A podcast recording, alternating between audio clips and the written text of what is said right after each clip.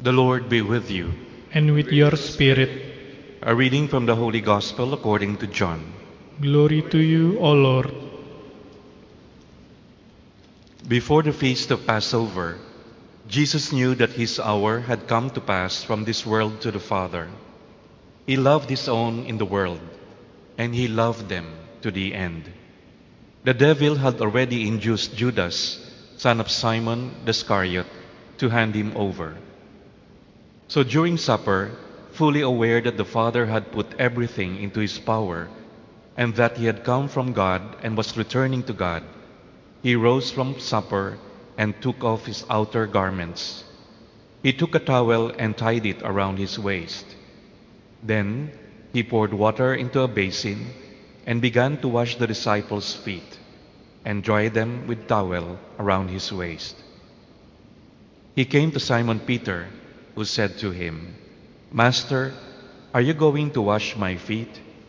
Jesus answered and said to him, What I am doing you do not understand now, but you will understand later. Peter said to him, You will never wash my feet. Jesus answered him, Unless I wash you, you will have no inheritance with me. Simon Peter said to him, Master, then not only my feet, but my hands and head as well. Jesus said to him, Whoever has bathed has no need except to have his feet washed, for he is clean all over. So you are clean, but not all. For he knew who would betray him. For this reason he said, Not all of you are clean. So when he had washed their feet and put his garments back on and reclined at table again, he said to them, Do you realize what I have done for you? You call me teacher and master, and rightly so, for indeed I am. If I therefore, the master and teacher, have washed your feet, you ought to wash one another's feet. I have given you a model to follow, so that as I have done for you, you should also do. The Gospel of the Lord. Praise to you, Lord Jesus Christ.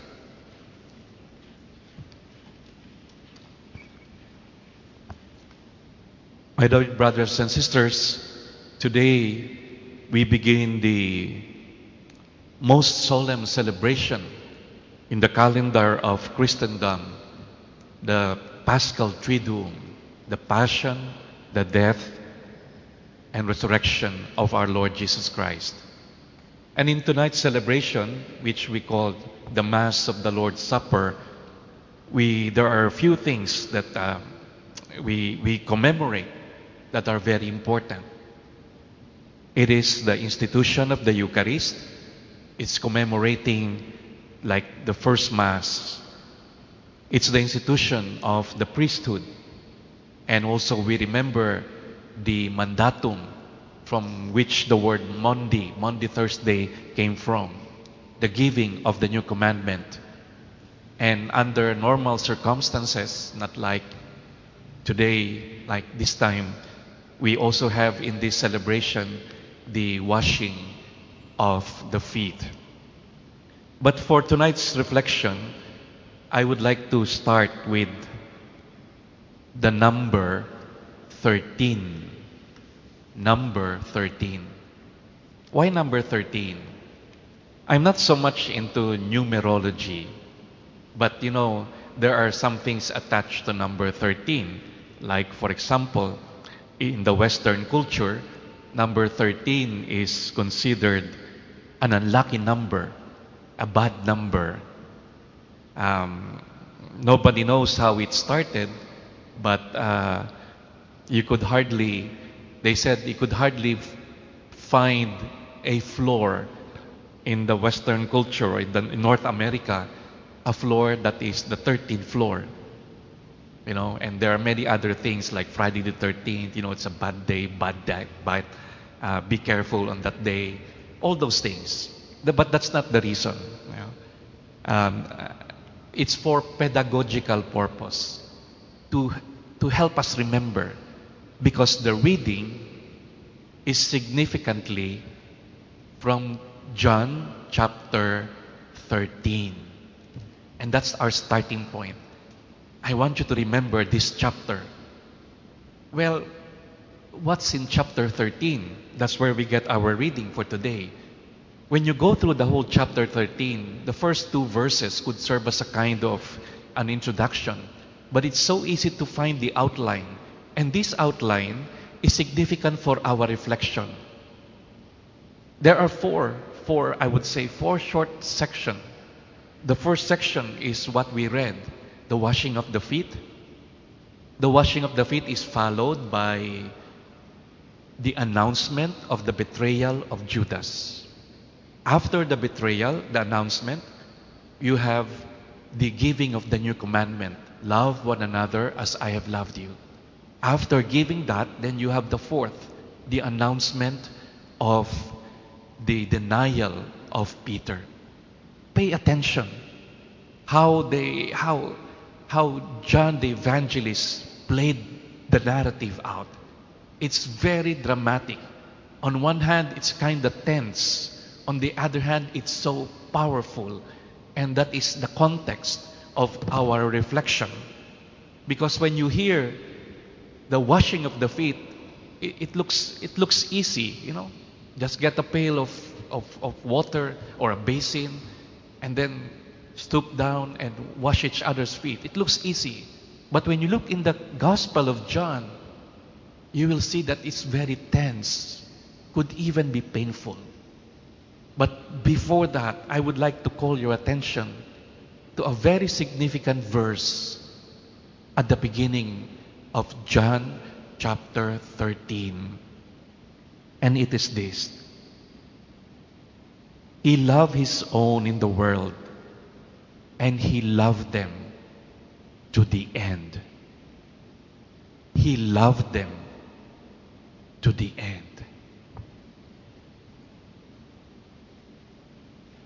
When you hear such words being spoken to you, it is very powerful.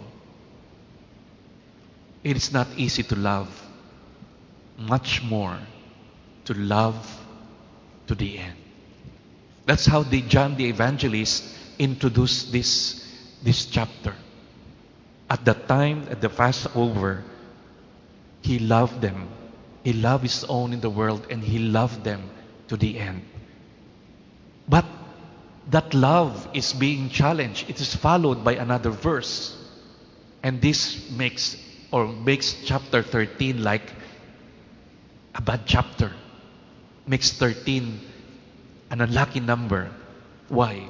Because it says the devil had already induced Judas. In some translation, it is said the devil has already put into his heart. The devil succeeded in moving Judas to, to, to do this, to betray Jesus. Now, put them together. When Jesus washed the feet of the apostles, when he did that, all along he knew that somebody is going to betray him. Now tell me, is that easy? And yet, he continued and proceeded with it. It's like the service, the love that he gave, there's, there's no precondition for that. It is given and offered to everyone. He washed the feet even of the one who will betray him and the other one who would deny him. That is the context of that love. It is being offered to us. It's like a way of reminding us that that love is being challenged by this. And yet, this love would not give in. He would love them to the end, even they have not been faithful to Him. There's that tension between the sin, the sinner, and love and the lover. And then if you move on in the chapter, After Judas has left, maybe he was in a hurry, or maybe he was embarrassed enough because somehow his plan, you know, Jesus knew about the plan. Anyway, we do not know about that. He continued to give them, and he continued and give them this commandment. Now, I ask you to do the same. I give you a new commandment. Love one another as I have loved you. Now, do not forget the context when he said that. Because that is the same context wherein we have to love. The Lord asks us to love in the same way, to serve in the same way. Even we run the risk of, you know, the risk of the sinful world, of people betraying, of people denying, of people not responding to that love, of people not recognizing that love,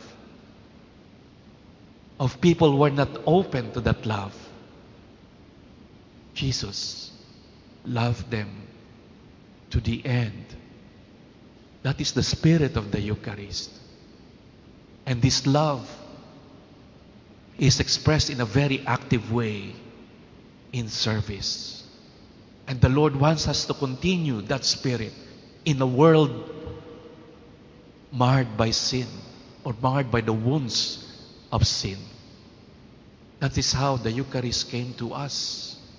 That's how the, God's commandment was given to us. And yet, sin is powerful. But the love of God is more powerful. It's like it is that love that would struck us from that sinful state. That's the first, my brothers and sisters. That the Eucharist, the commandment to love, was given to us with this background. In the words of, in the Gospel of John, He loved them to the end. The second is the nature of the sin.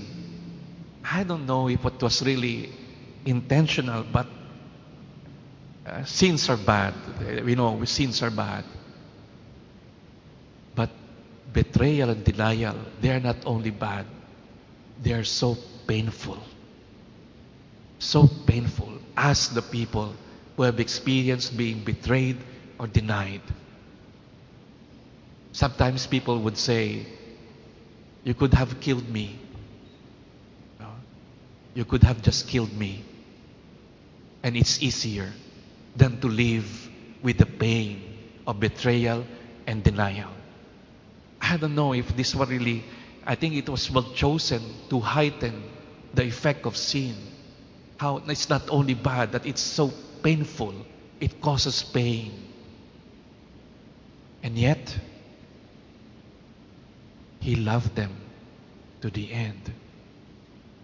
And that's why it is no weak love.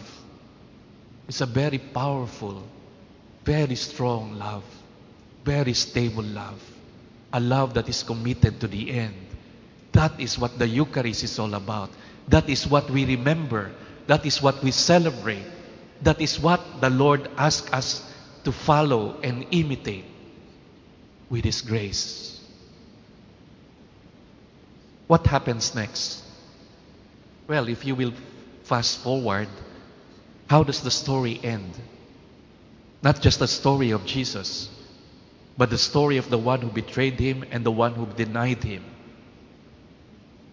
You know, it's not about bad luck numbers, it's about choice. We have two options the Judas option.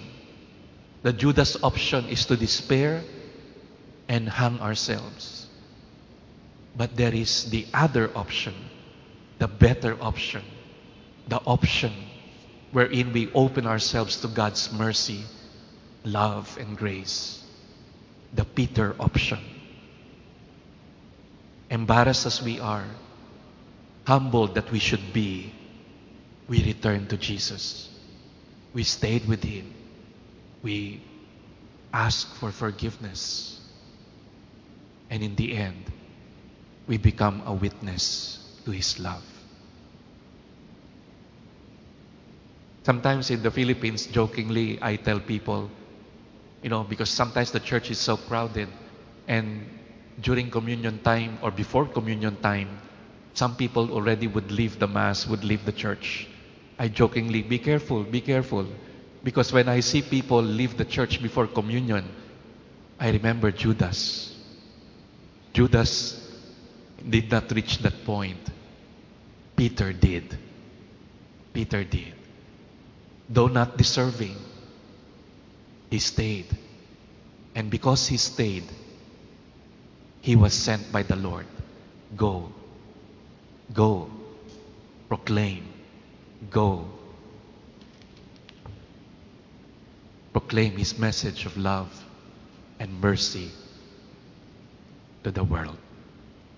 My brothers and sisters, tonight, in this celebration of the Eucharist,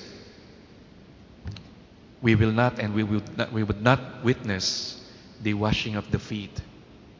But this will not prevent us from following the Lord.